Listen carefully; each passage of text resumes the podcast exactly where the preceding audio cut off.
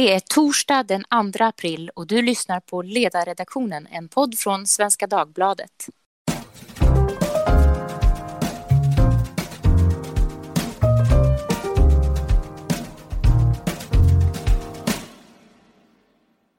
Jag heter Maria Ludvigsson och ämnet för dagens podd är hur kabinpersonal från flygbranschen snabbt kunde omskolas för att gå in som sjukvårdspersonal.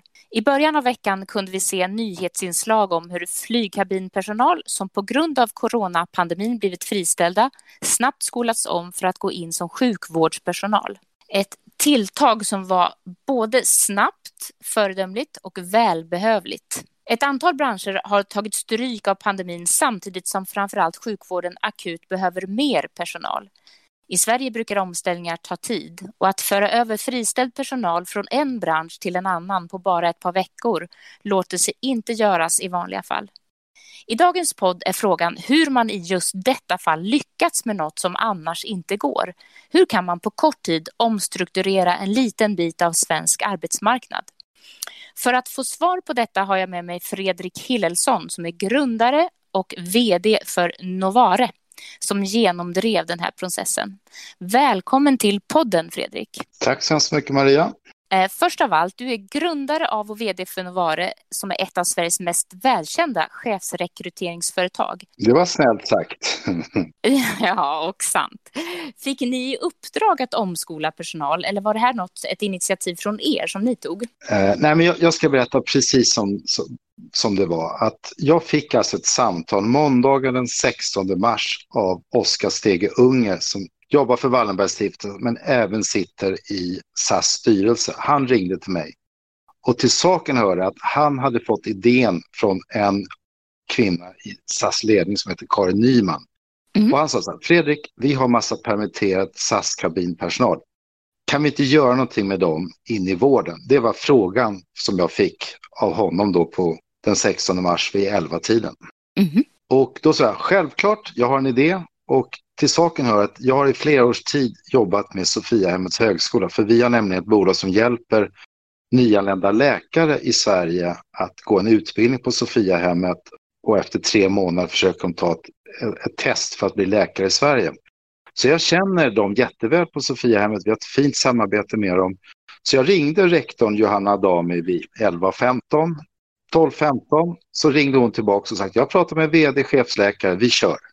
Då kunde jag gå tillbaks till Oskar på, på Wallenbergsstiftelsen.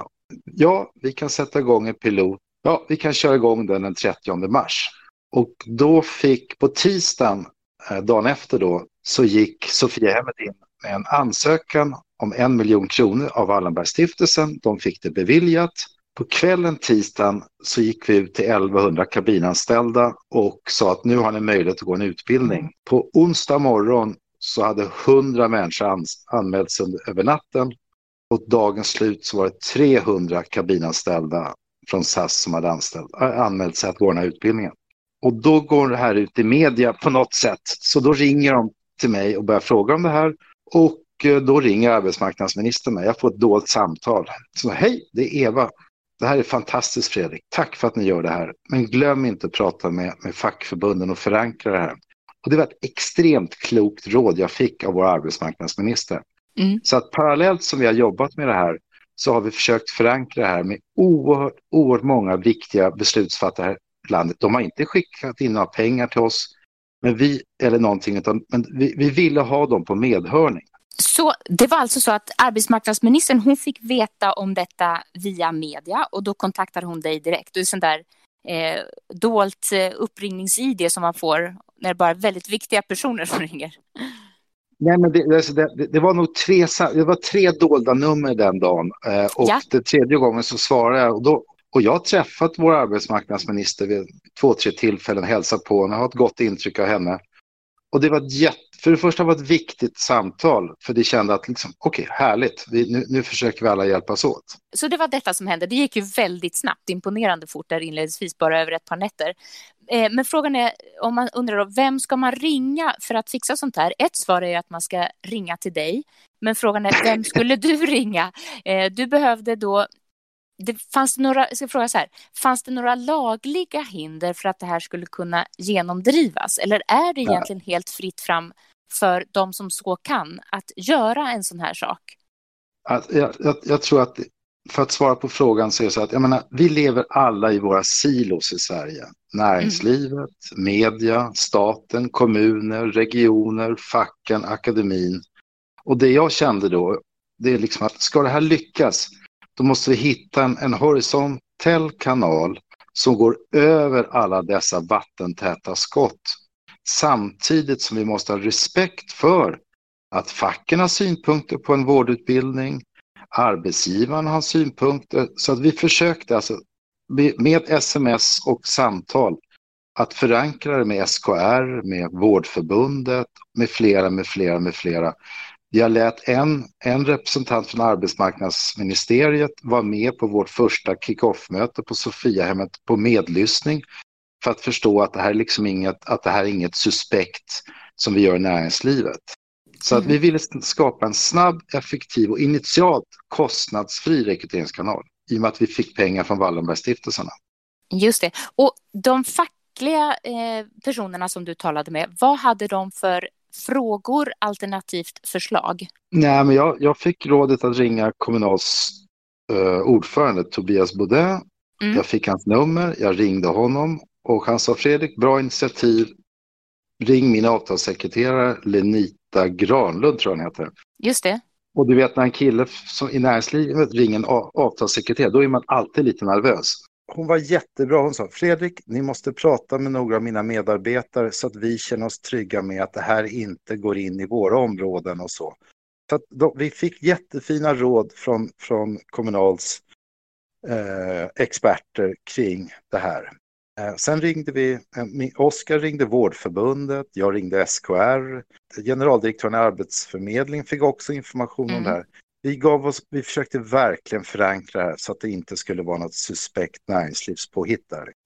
Så det syftade till att bara göra dem medvetna om, ge dem information så att det var transparent vad som absolut, skedde. Absolut. Men det fanns på den, eh, i den kontakten fanns det inga vad ska vi säga, ingen kritik eller någonting som kunde stoppa det här, något ni måste åtgärda för att det skulle fungera? Nej, det var absolut ingen kritik. Det var goda råd och tänk på det här och tänk på det där. Och, och ärligt talat, hade inte arbetsmarknadsministern ringt mig så hade jag absolut missat facket.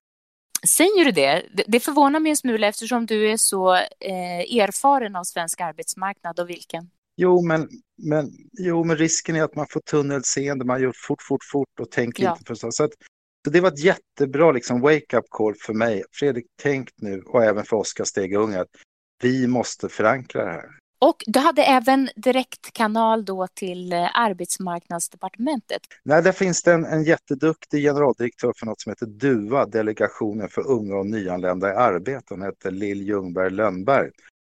Hon har, henne har jag pratat med i stort sett varje dag kring det här och gett, fått goda råd av henne också. Så att, säg så att jag var med när vi, jag har varit med på ubåtsjakter på 80-talet, jag var med när vi tog tillbaka Kockums från tyskarna till, till Saab. Jag vet att det här landet, när vi bestämmer oss för att vi ska göra någonting tillsammans, då händer det grejer. Liksom. Och då handlar det snarare om att ingen stoppar än att det finns, det finns egentligen inga legala hinder för att göra sånt där. Om vi tänker oss eh, några månader framåt i tiden när vi förhoppningsvis eh, har ridit ut den här stormen. Det kommer ju finnas behov igen av att man gör snabba ryck på arbetsmarknaden, att det finns personal som har blivit över i en bransch och som behövs i en annan. Vad är det som säger att, att man då inte skulle kunna göra på samma sätt igen så här snabbt? Det finns ett jätte, jätteproblem just nu. Eh, I takt med att näringslivet förtvinar och att fler och fler företag permittera, skicka hem folk, så är det så att de här permitteringsreglerna som gäller gör att, att stora företag som har massa personal som sitter hemma nu är rädda att skicka in dem i vården och omsorgen därför att man är rädd att bryta mot de permitteringsreglerna som staten har sagt upp.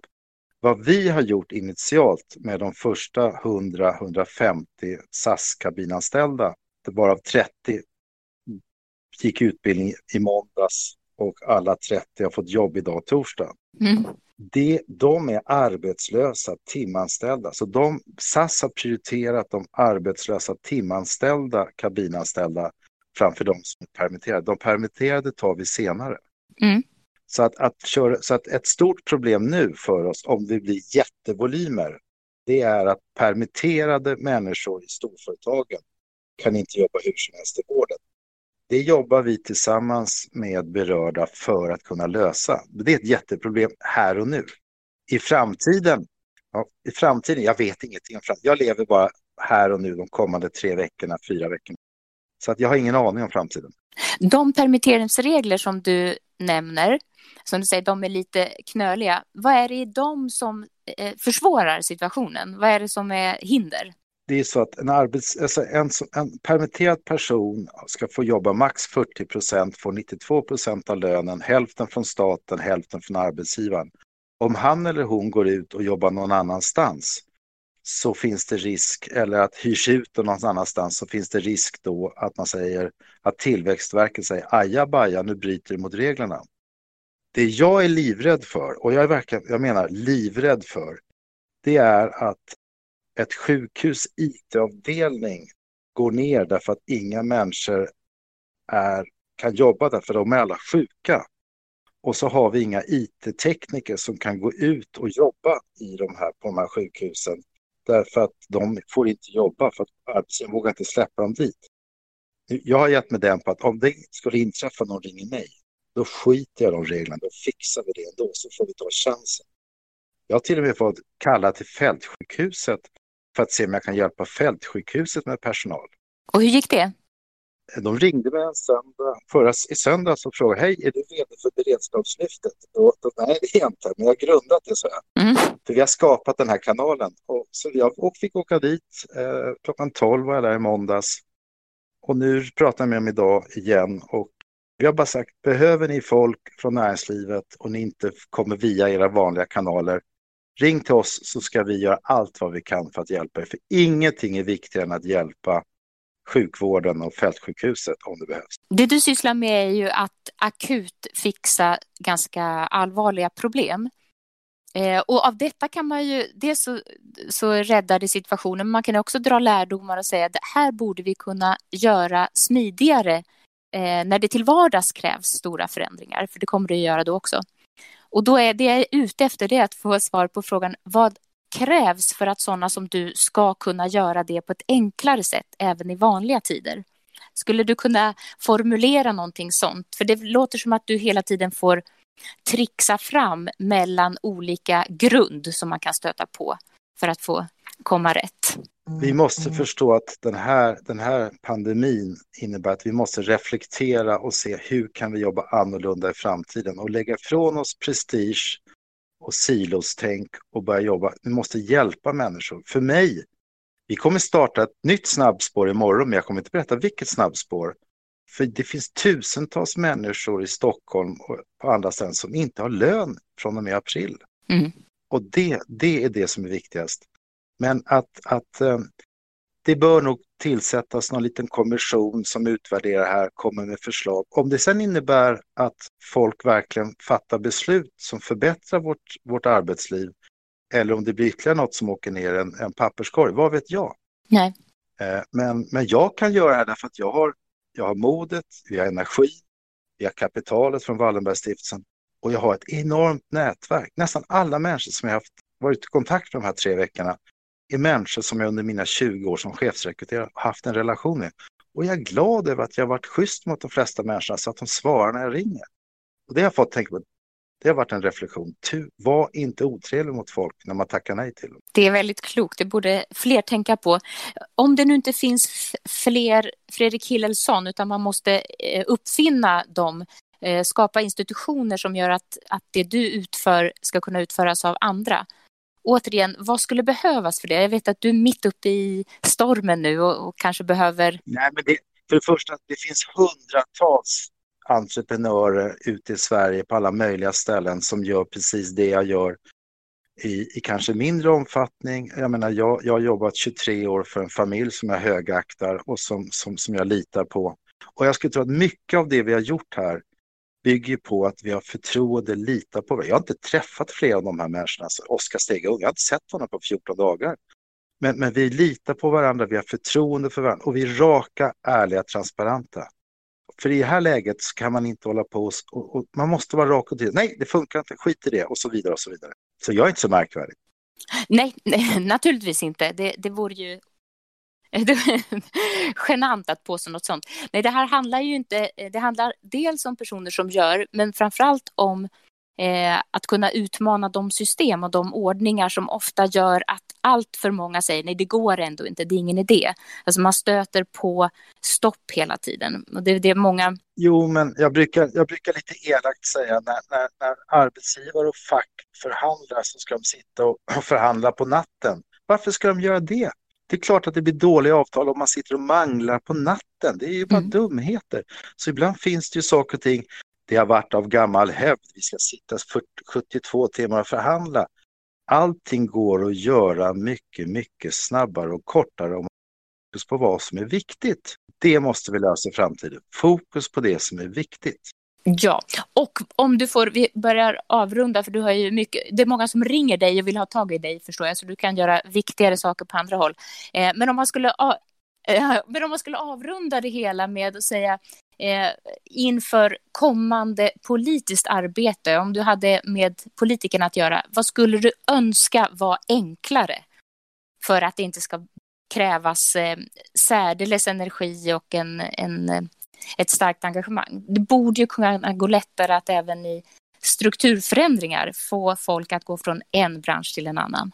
Min uppfattning är att det inte är politikernas, politikerna som är problemet, utan det sitter annanstans, i, hos facken, hos arbetsgivarna. Det är där utmaningar finns, det är där konflikterna Politiker oavsett politisk färg eh, är pragmatiska, vill se förändringar. Det är inte där utmaningen sitter. Det sitter längre ner. Intressant, så det är snarare där det konservativa draget finns än i politiken. Ja. Den vill förändras men inte institutionerna.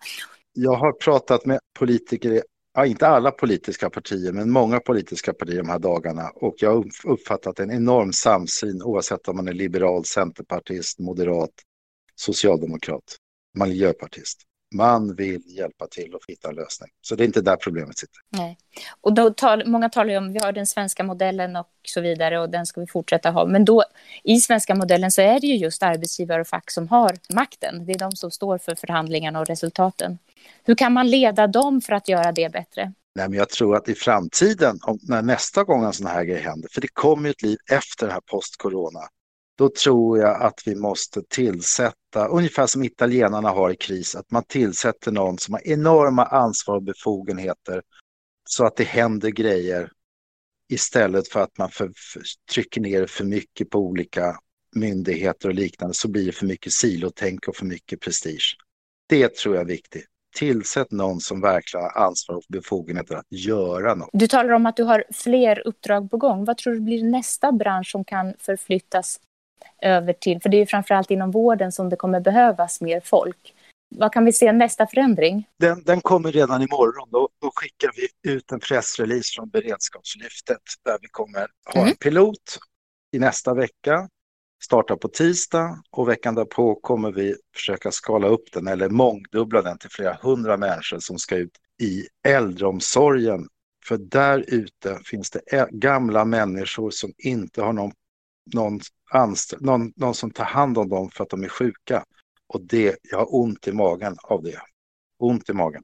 Ja, det, ja, det är verkligen en fråga att ta upp eh, i många sammanhang. Det ska vi försöka göra genom att skyffla över, eller det låter så hemskt, skyffla men transferera över människor som är arbetslösa idag. Exempelvis inom kanske hotell, restaurangnäringen. Men du får vänta imorgon, då kommer det. Vi kan knappt vänta, men det, var, det låter, hopp, det låter hoppfullt. Just eh, äldreomsorgen har vi sett rapporter om hela tiden att de, nu är det besöksförbud och de blir kanske mer ensamma än någonsin. Jag hade en äldre erfaren personaldirektör som ringde mig igår 07.45 och hade hört talas om det här. Och det var nä jag kunde nästan höra att det var liksom gråt i halsen när hon berättade över våra äldre människors situation i Stockholm och över hela landet. Och jag, jag, fick, jag fick så ont i magen alltså. Så att, men nu ska vi agera. Det är helt rätt. Det, det brukar ju vara så att man, när man pratar om de allra svagaste i samhället så glömmer man ofta de gamla fast att de är i högsta grad en sån grupp som ofta blir bortglömd och som man tänker på i sista hand. Och nu ska vi försöka tänka på dem i första hand. Det är gott så. Eh, tusen tack för att du var med. Tack så mycket Maria. Och tack för att ni var med och lyssnade. Har ni synpunkter eller idéer om vad vi borde ta upp och podda om så hör av er till ledarsidan svd.se. Tack!